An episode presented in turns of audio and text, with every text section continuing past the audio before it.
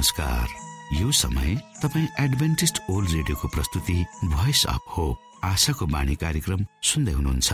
कार्यक्रम प्रस्तुता म रवि यो समय तपाईँको साथमा छु।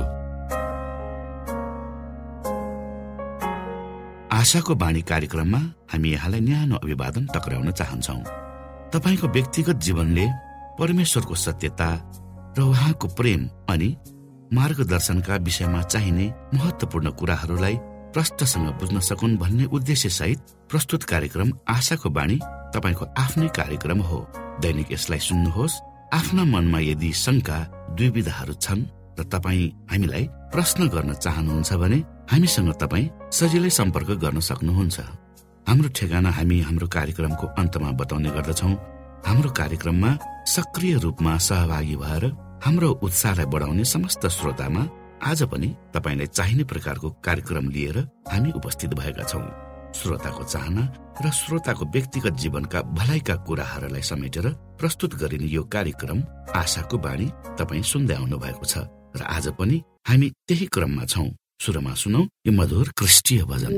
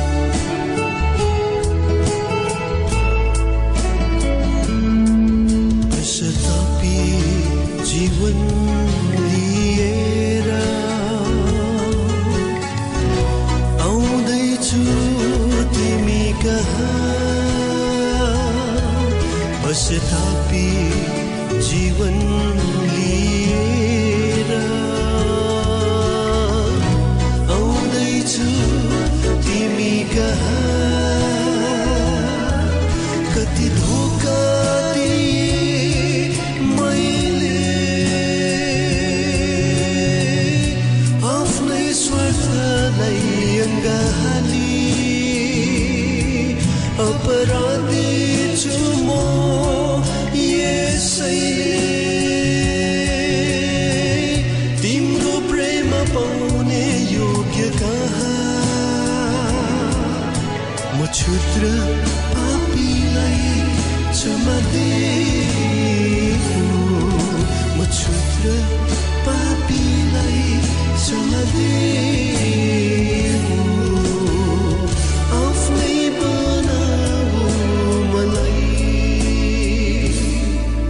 प्रभुजी क्षमा देवो म जस्तो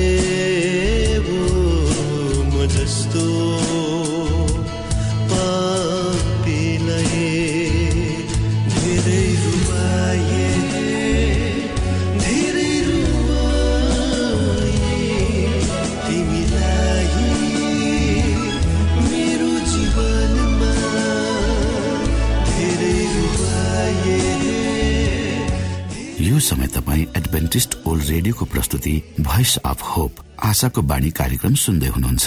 श्रोता मित्र यो समय हामी पास्टर उमेश पोखरेलबाट आजको बाइबल सन्देश सुन्नेछौ।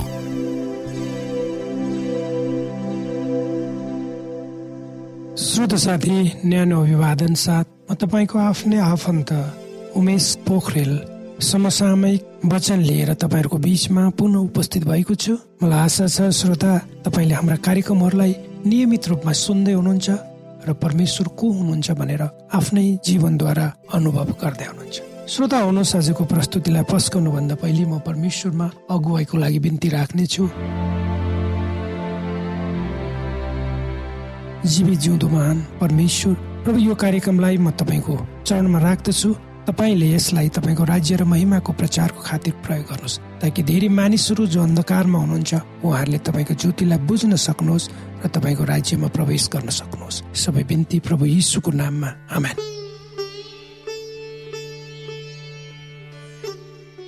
श्रोत साथी आजको मेरो प्रस्तुति छ समसामयिक विश्व घटनाक्रमलाई लिएर म तपाईँहरूको बिचमा उपस्थित भएको छु। समय पछि हामी सबै दौडँदैछौँ। हामी सबै मानिसहरू एउटा जिउने आशासहित एउटा दौडमा दौडिरहेका छौँ। र यो संसारमा दुईटा पक्षहरू छन् एउटा असल र अर्को खराब। र अधिकांश तपाईँ हामीहरू सबै मानिसहरू खराबको बहकाउमा लागेर हामी संसारतर्फ धकेलिँदैछौँ र सांसारिक दौडमा हामी दौडाउँदैछौँ अर्थात् तपाईँ र मलाई नराम्रो कुराले दुष्ट कुराहरूले खराब कुराहरूले निरन्तर रूपमा हिजोभन्दा आज र आजभन्दा भोलि संसारतर्फ धकेल्दै गइरहेको छ र हामी यही गतिमा यसरी नै शैतानबाट वा खराब र नराम्रा कुराहरूद्वारा परिचालित हुने हो भने हाम्रो अन्त्य छिट्टै हुन्छ र यो निश्चय छ श्रोता। परमेश्वर प्रेम हुनुहुन्छ। उहाँले सम्पूर्ण मानव जातिहरूलाई समान दृष्टिकोणले हेर्नुहुन्छ र सबैलाई उही रूपमा प्रेम गर्नुहुन्छ। उहाँको अगाडि कोही ठुलो सानो गरिब धनी पढेको वा नपढेको केही पनि हुँदैन। र परमेश्वरको इच्छा उहाँले गर्नुभएको सृष्टि छ। त्यो सृष्टिमा मानिस एउटा शान्तिमा एउटा आनन्दमा बस्न सकोस् र मानिस फलवन्त हुन सकोस् र उसले परमेश्वरले गर्नुभएको सृष्टिलाई पनि संरक्षण सम्वर्धन र हेरचाह गर्न सकोस्। त्यही नै परमेश्वरको इच्छा हो। तर सैतान भनेको झुट हो। उसले कहिले पनि यो पृथ्वीमा शान्ति आनन्द भएको चाहँदैन। त्यसकारण उसले यो पृथ्वीमा विभिन्न किसिमको विध्वंसहरू प्रकोपहरू ल्याउँछ। र मानव समाज र मानव निर्णयहरूलाई उसले प्रभावित पार्दछ र आफ्नो बसमा राख्न निरन्तर प्रयास रहिरहन्छ। धेरै मानिसहरू तपाईँ हामी जानेर वा नजानेर त्यो शैतानको त्यो बन्धनमा हामी पुग्छौँ र शैतान एउटा आकर्षक रूपमा हामीसँग प्रस्तुत हुन्छ र हामीलाई उसको त्यो जालमा पार्छ। र परमेश्वरलाई ज जसले पछ्याउँछन् जसले परमेश्वरको आज्ञालाई मान्छन् शैतानसँग प्रतिरोध गर्छन् तिनीहरूलाई शैतानले शत्रुको रूपमा व्यवहार गर्छ शत्रु ठान्छ। र ती परमेश्वरका जनहरूलाई आफ्नो जालमा पार्नको लागि फसाउनको लागि शैतानले विभिन्न प्रयासहरू गर्छ तिग्रमहरू अप्नाउँछ। जब तपाईँ हामी ज जसले परमेश्वरलाई हामीले विश्वास गरेका छौँ ती मानिसहरू आफ्नो विश्वासको यात्रामा ती सांसारिक पहाडहरू चट्टानहरू र गुफाहरू भएर गुज्रिन्छन्। तर पनि उनीहरूमा भोक प्यास थकान देखिन्न। किनकि तिनीहरूको भरोसा तपाईँमाथि वा परमेश्वरमाथि हुन्छ र तिनीहरू निरन्तर रूपमा अगाडि बढिरहन्छन्। यद्यपि शैतानले आफ्ना जाल झेलहरू र भाँजोहरू हाल्ने काम पनि निरन्तर गरि नै रहन्छ केही वर्ष भित्रको यो संसारको घटनाक्रमलाई तपाईँ हामीले हेर्ने हो भने केही महिनाहरूमा घटेका घटनाहरूलाई हेर्ने हो भने पनि चाहे ती घटनाहरू युद्धहरूका कुराहरू किन नहुन्। एउटा राष्ट्रले अर्को राष्ट्रमाथि आफ्नो प्रभुत्व जमाउनको लागि कमजोर राष्ट्रहरूमाथि गरेको ताण्डव नृत्य हिंसा अनि सम्हारलाई हामीले जसरी पनि व्याख्या गर्दा पनि त्यो दुःखद कुरालाई हामी मानवीय भाषामा व्यक्त गर्न सक्दैनौ श्रोता। त्यसै गरी भर्खरै संसारका कुना काप्चामा भएका प्राकृतिक प्रकोपहरू चाहे त्यो अमेरिकामा होस् चाहे युरोपहरूमा हुन् त्यसको साथसाथै भूकम्पहरू बाढी पहिरो सामुद्रिक आँधीहरू तुफानहरू र चट्टानले संसारका कयौं गाउँ सहर र बस्तीहरूलाई नराम्रो किसिमले आफ्नो चपेटामा पारेको वा गाँजेको हामी देख्न सक्छौँ। हामी त्यसमै सहभागी पनि भएको हुन सक्छौँ। अनि संसारमा भएका समुद्रहरू दूषित भएका पानीको स्रोत सुक्दै गएको भूमिको उत्पादन क्षमतामा क्रमिक रूपमा ह्रास आएको प्रकृतिको चक्रमा विचलन आएको अनि त्यसमाथि विभिन्न किसिमका रोग महामारीहरूले मानिसहरूलाई आफ्नो पकडमा कस्तै लगे। हामी देख्न सक्छौँ। यसै सन्दर्भमा कोभिड महामारी कोरोना भाइरसले सारा संसारलाई विगत केही वर्षदेखि आक्रान्त पारेको र पारिरहेको सन्दर्भमा यो शताब्दीमा बाँचेका तपाईँ हामी मानिसहरू यो जिउनको लागि कति कठिन सङ्घर्षरत छौँ त्यो कुरो तपाईँ हामी सबैले अनुभव गरेकै हो श्रोता। हामीलाई थाहा छैन हाम्रो भविष्य र हाम्रा सन्ततिहरूको भविष्य र सुरक्षा के हुने हो? यो संसार कतातिर जाँदैछ। पृथ्वीको तापक्रम बढ्दा समुद्रका किनारमा रहेका कयौं देशहरूको अस्तित्व नै सङ्कटमा परेको हामी देख्छौँ। आकाशबाट वर्षने ढुङ्गा जस्ता असिनाहरूले कयौं घरहरू बस्तीहरू सम्पत्तिहरू प्राकृतिक कुराहरू र मानिसहरू मरेको हामी सुन्दैछौ र देख्दै पनि छौ। यस्ता घटनाहरू विगतमा यति भएका थिएनन्। यो प्रकृतिले मानिसमाथि गरेको हृदय विधारक कार्यले मानिसको भविष्य अझ अन्धकारमा परिणत गरेको हामी सहजै अनुमान गर्न सक्छौ श्रोता। यी सबै कुराहरूलाई देख्दा वा अनुभव गर्दा हामीलाई लाग्न सक्छ परमेश्वर कहाँ हुनुहुन्छ? के स्वर्ग वास्तवमै छ? हामी दुविधामा पर्नु स्वाभाविकै हो। यो संसारको अन्तिम अवस्थामा कस्तो हुने हो? हामी सबैको चासोको यो विषय हो। अर्थात् यो संसारको अन्त्य डुबेर हुनेछ वा घातक रोगहरू मानिसहरूमा लाग्नेछ जसले सबै मानिसहरूको अस्तित्वलाई निमेट्यान्न पार्नेछ। सूर्यको ताप यति कडा हुनेछ कि संसार त्यसको रापले जल्नेछ के मानिस यी सबै कुराहरूबाट सुरक्षित हुनेछन् त। के हामीले इतिहासमाथि विश्वास गर्न सक्छौ त? समाचार माध्यम आज मानिसहरू विभिन्न विचारहरूद्वारा परिचालित छन्। विज्ञान र प्रविधिको कारणले विभिन्न किसिमका अनुसन्धानहरू गरिरहेका छन्। ठुल्ठुलो विद्वानहरू छन् वैज्ञानिकहरू छन्। तर यी सबै समस्याहरूको प्रश्नको उत्तर चाहिँ कसले दिने त? के वैज्ञानिकले दिने? के ठुलो राजनीतिक नेताहरूले दिने? वा धार्मिक गुरुहरूले दिने? श्रोत साथी संसारमा भएका प्रमाणिक घटनाक्रमले यो संसार ठुलो क्राइसिस भएर जाँदैछ। र यो समय र हाम्रो भविष्य यदि तपाईँ हामी जान्न चाहन्छौँ भने त हाम्रो समय कस्तो छ कसरी जाने हो र हाम्रो भविष्य के हो एउटै मात्र विश्वसनीय आधार भनेको धर्मशास्त्र बाइबल हो। जसले हामीलाई यो वर्तमान अवस्था र भविष्यको बारेमा स्पष्ट रूपमा बाटो देखाउँछ। भविष्य बाइबल धर्मशास्त्रले यो संसारको भविष्य कस्तो हुन्छ र संसार कसरी अगाडि बढ्छ भन्ने कुरो पहिले नै भविष्यवाणी गरिसकेको छ। यदि तपाईँ जसलाई होली ल्यान्ड भनिन्छ पवित्र भूमि अहिलेको इसरायल त्यहाँ तपाईँ जानुभयो भने धेरै मानिसहरू घुम्न जान्छन् श्रोता त्यहाँ। त्यहाँ चेतावनीका चिन्हहरू विभिन्न भाषामा लेखिएको पाइन्छन्। हिब्रू भाषामा अरबिकमा फ्रान्समा अङ्ग्रेजीमा जेसुकै भाषामा लेखिएका भए पनि यी सबै भाषाहरूले एउटै कुरा भन्छन् त्यो हो सावधान। यो क्षेत्रमा नजानुहोस् किनभने यहाँ बमहरू माइनहरू बिछाइएका छन् सयौं वर्ष पहिलेदेखि नै। त्यसकारण यी क्षेत्रहरूमा पाइला नटेक्नुहोस्। यी चिन्हहरूले मानिसहरूलाई चेतावनी दिइरहेका छन्। यदि उनीहरूले यसलाई नसुन्यो भने उनीहरूको नाश हुन्छ। यस्तो अवस्थामा त्यहाँ कुनै प्रश्न गर्ने आधार हुँदैन। यो चेतावनीका चिन्हहरूले मानिसहरूलाई बचाउन सक्छन् र यी चिन्हहरू बाइबल भविष्यवाणीहरूसँग घाँसिएका छन्। विशेष गरी संसारको इतिहासको अन्तिम घडीमा हामीले के कुराहरू भोग्नेछौ र कसरी संसार अगाडि बढ्नेछ श्रोत साथी यदि तपाईँ यी संसार प्रभु यीशुको आगमन हुनुभन्दा पहिले यो संसार कस्तो हुनेछ भन्ने कुरा तपाईँहरू बुझ्न चाहनुहुन्छ भने कृपया गरेर यो भोलिको प्रस्तुतिलाई पनि तपाईँले सुन्न नभन्नुहोला परमेश्वरले तपाईँलाई आशिष दिउन् आमेन। श्रोता भर्खरै यहाँले पास्टर उमेश पोखरेलबाट बाइबल वचन सुन्नुभयो। यो समय तपाईँ एडभेन्टिस्ट ओल्ड रेडियोको प्रस्तुति भोइस अफ होप आशाको बाणी कार्यक्रम सुन्दै हुनुहुन्छ। कार्यक्रम सुनेर बस्नुहुने सबै श्रोतालाई हामी हाम्रो कार्यक्रममा स्वागत गर्न चाहन्छौ।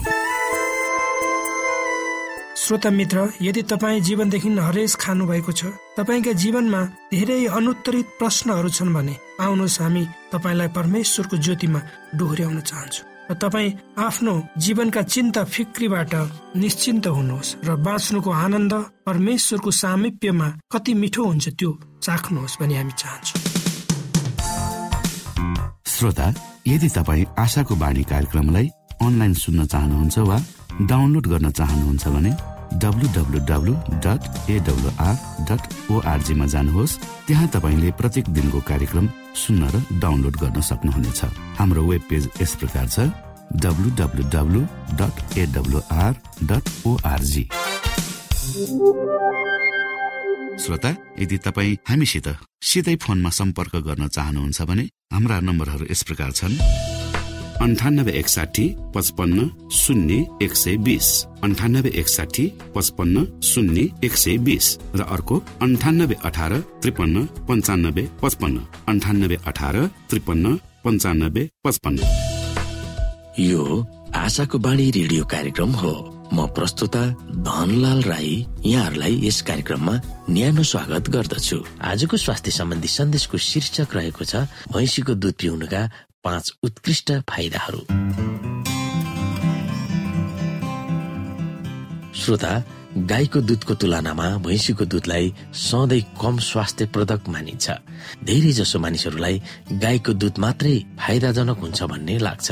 जबकि यस्तो कुनै पनि हालतमा होइन।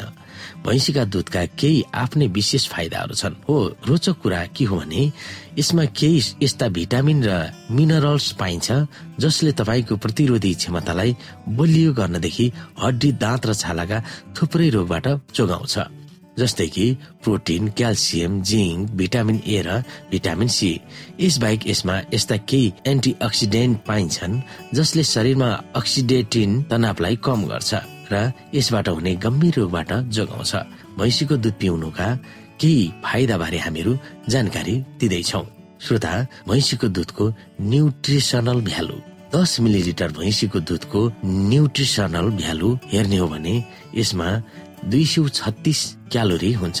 यसमा सबैभन्दा धेरै क्याल्सियम सत्र पोइन्ट तिन पर्सेन्ट हुन्छ। प्रोटिन सात पोइन्ट आठ पर्सेन्ट भिटामिन ए चार पोइन्ट तिन पर्सेन्ट पोटासियम र फस्फोरस म्याग्नेसियम जिङ्क एन्टिअक्सिडेन्टले भरपुर रहेको हुन्छ। भैँसीको दुध पिउनेका फाइदाहरू। प्रोटिनले भरपुर छ भैँसीको दुध। भैँसीको दुधमा प्रोटिनको राम्रो मात्रा पाइन्छ। यो प्रोटिनले सबैभन्दा पहिला त तपाईँको मांसपेशीलाई बढाउने र यसको विकासमा मदत गर्छ। यदि तपाईँ बिहान भैँसीको दुध पिउनुहुन्छ भने तपाईँलाई लामो समयसम्म भोक लागेको महसुस हुँदैन जसले तपाईँको शरीरलाई लामो समयको लागि मेटाबोलिक प्रोसेसमा राख्ने गर्छ। यसबाहेक हाम्रो शरीरले प्रोटिनको ठुलो मात्रालाई विभिन्न इन्जाइम र हार्मोनलाई सन्तुलित राख्नका लागि मदत गर्दछ। तोल बढाउन सहयोगी। तोल बढोस् भन्ने चाहना भएका मानिसहरूका लागि भैँसीको दुध निकै फाइदाजनक हुन्छ।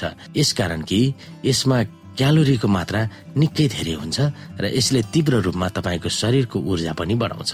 साथै भैँसीको दुधमा फ्याटको मात्रा असाध्यै हुन्छ र यसले दुब्लो पातलो मान्छेलाई मोटाउन मदत गर्दछ। मुटुलाई स्वास्थ्य राख्छ। मुटुलाई स्वास्थ्य राख्नका निम्ति भैँसीको दुध फाइदाजनक हुन्छ।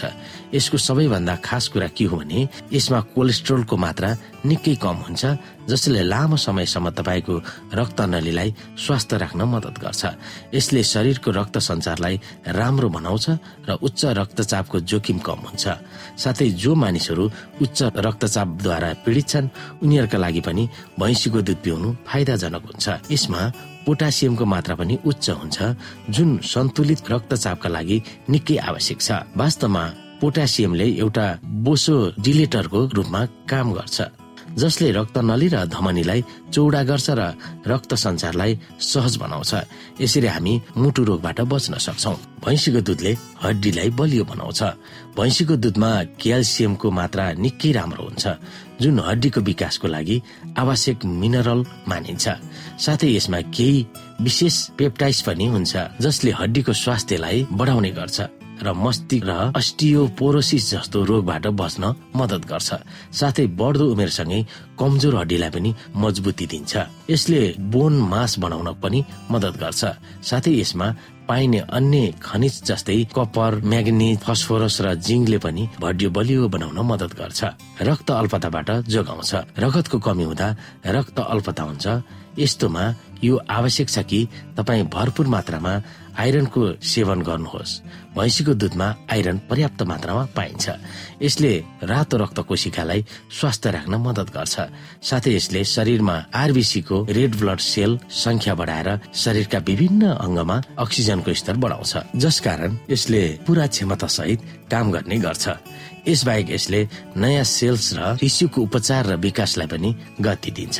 गाईको दुधको तुलनामा भैँसीको दुधमा सोडियम पनि कम हुन्छ। साथै यसका केही विशेष एन्टी अक्सिडेन्टले खतरनाक मुक्त कण र विषाक्त पदार्थलाई शरीरबाट सफा गर्न सक्छ जुन पुरानो रोगको कारण बन्न सक्छ।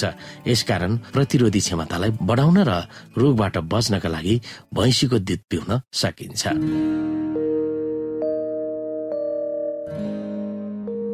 आदरणीय मित्र बाइबलले बताएको छ परमेश्वरले तीर्खाकाहरूलाई तृप्त पार्नुहुन्छ र भोकालाई उत्तम पदार्थले सन्तुष्ट पार्नुहुन्छ।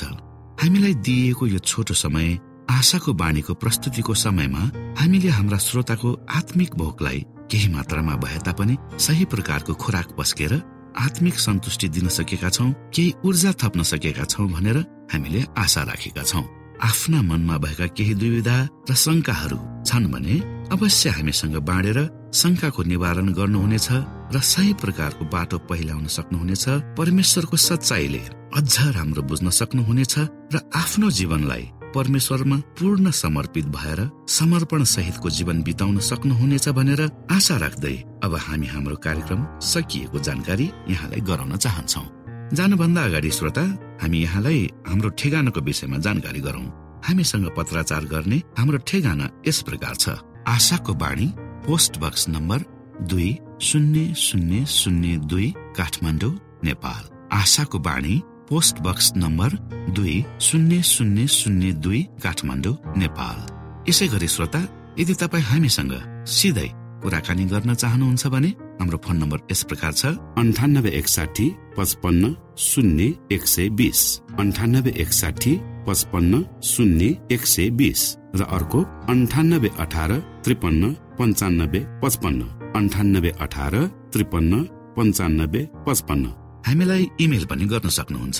हाम्रो इमेल एड्रेस यस प्रकार छ Nepal at AWR dot ORG Nepal at AWR dot ORG यदि तपाईँ हामीलाई अनलाइन सुन्न चाहनुहुन्छ वा डाउनलोड गर्न चाहनुहुन्छ भने तपाईँ W W W dot AWR dot ओआरजीमा जानुहोस् र त्यहाँ तपाईँले हाम्रा सबै कार्यक्रमहरू सुन्न सक्नुहुनेछ। हाम्रो वेब पेज यस प्रकार छ W dot AWR dot ORG श्रोता यसमा गएर तपाईँले हाम्रा दैनिक कार्यक्रमलाई सुन्न सक्नुहुनेछ र डाउनलोड पनि गर्न सक्नुहुनेछ। हवस् त श्रोता हाम्रो कार्यक्रम सुनिदिनु भएकोमा एकचोटि फेरि यहाँलाई धन्यवाद दिँदै भोलि फेरि यही स्टेशन यही समयमा यहाँसँग भेट्ने आशा राख्दै प्राविधिक साथी राजेश पास्टर उमेश पोखरेल र कार्यक्रम प्रस्तुता म रवि यहाँसँग विदा माग्दछौ। परमेश्वरले तपाईँलाई धेरै धेरै आशिष दिनुभएको होस्। नमस्कार।